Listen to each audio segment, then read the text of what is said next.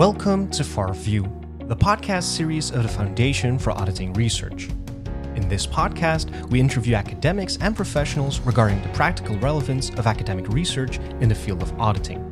The Foundation for Auditing Research is an autonomous institute focused on developing and disseminating scientific knowledge concerning audit quality in the Netherlands. FAR pursues these objectives by facilitating relevant and rigorous academic research through a unique collaboration between academia and audit practice. Dear podcast listeners, today our special conference guest is Tjibbe Bosman. Tjibbe is one of the authors of a paper that just got accepted in current issues in auditing.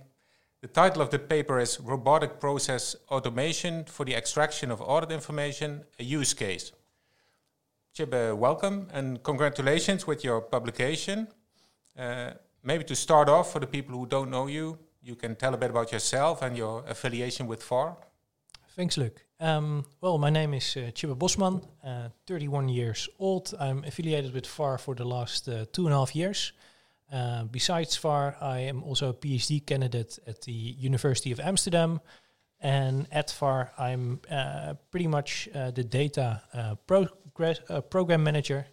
And um, there I work together with the uh, research teams and also with the audit firms to make sure that uh, uh, they understand each other, they communicate with each other, and uh, the data gets delivered Mm-hmm. for the high quality research projects. And, and that's also how we came to, to, to this project. So there was a call for papers by current issues in auditing on uh, collaborations between practice and academia in auditing. And we were working together with um, uh, Jeroen Bellinga and uh, Alaa Khzam from uh, PwC uh, on the development of a piece of um, uh, Python code, a piece of programming code um, to automate certain steps. And we use that code for the data collection that we do at the Foundation for Auditing Research and they could apply and tweak that programming code um, uh, to, to really apply that on, on real life audit engagements. And we thought, okay, this this is, could actually be interesting. Why, why did you do? Why did you need that? Yeah, so it's a good question. Um, there are currently over 30 research projects at the Foundation for Auditing Research, and they all need um, data of some sort. And a lot of them also need data from publicly available sources. Uh, so that means pretty much gathering data from annual reports. And in the Netherlands, that are just uh, PDFs that come from the uh, trade register. Um, so we have big piles of t- uh, PDFs, and we need to make structured, high quality research data out of that for the research teams. So we do that with um, uh, research associates, pretty much students who work part time for the foundation to help us out in, in gathering those data. Um, but that's of course not that scalable. Um, so then we started investigating from okay, how could we scale that up, and and and would it wouldn't it be possible to automate part of that? And that's how we came to um, robotic process automation um, uh, for really extraction of those data from annual reports. And we discussed um, kind of the project and the steps we were taking with uh, with Jeroen of PwC. And he said, well, that, that could actually be useful for uh, some of my clients and, and, and some of the projects I'm working on, and, and also for, for a more general purpose. So why not work together and see how we can uh, apply it?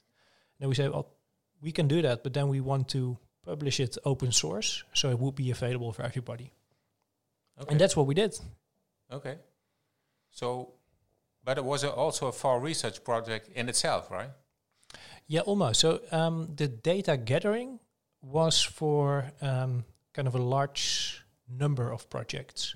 So a lot of projects want to gather data on um, the the audits that certain auditors perform, and we get can get those data from public sources.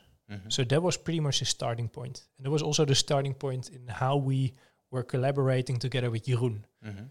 And then we were discussing from pretty much the challenge we have with with scaling it up and with automating as much as possible.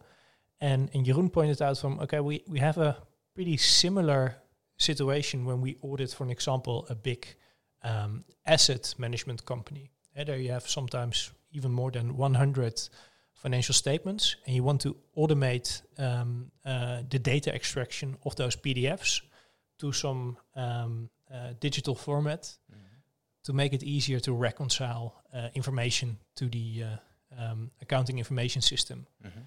And usually he would have uh, kind of large teams with uh, uh, with young assistants uh, who just came from university and help him with that.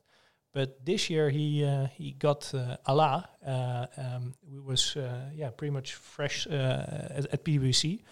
But Alaa has um, uh, uh, coding experience and, and also used to lecture at the university in, in Syria. Um, uh, so Jeroen said, from, okay, well, th- th- that would be quite a waste of resource, right? To to um, to take Alaa and say from, okay, well, just reconcile this to that the, the next two weeks. Let, Mhm. Let's let let's see if we can uh, work together and, and make this more efficient and actually make a tool that could help practice and also academia for the uh, for the data collection.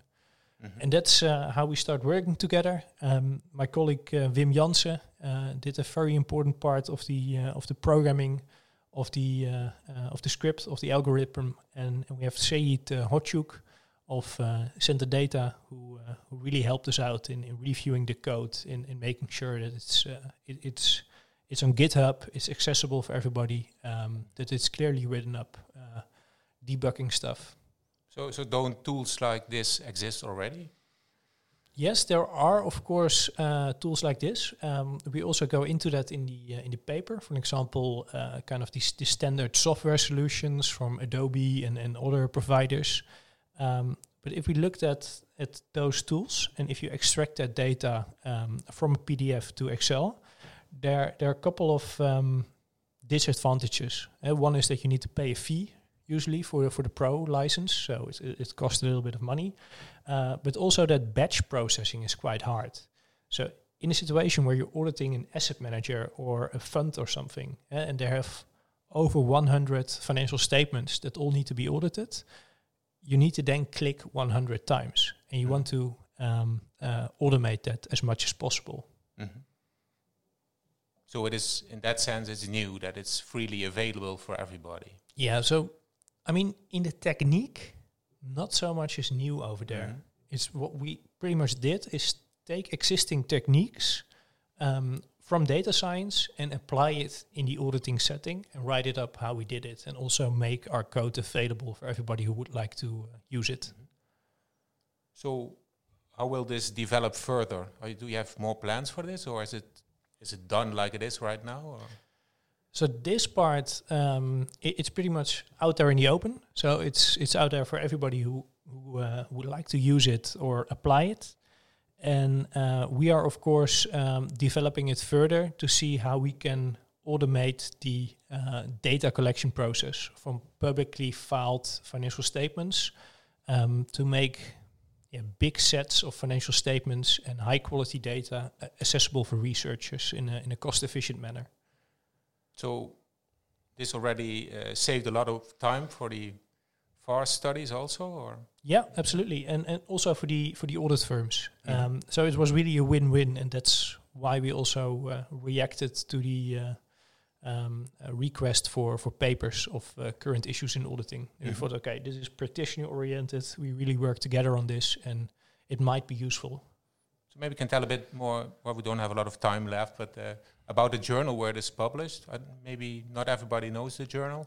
So current issues in, in auditing, it's um, a practitioner-oriented journal. Uh, so quite short articles. It I think it's uh, comparable to uh, the Maandblad uh, Accountancy and Bedrijfseconomie in, in the Netherlands. Um, it, it also has practitioner summaries. uh, Mhm. So sometimes you have a very detailed, uh, a very theoretical, more fundamental study. And then uh, current issues in auditing would publish uh, a practitioner summary of it, and and also some um, yeah issues that are currently relevant for audit practice. Mhm. Um, and and yeah, I think that also aligns with uh, with a lot of the goals that that the foundation has, and that's where we choose uh, that. Yeah. Okay.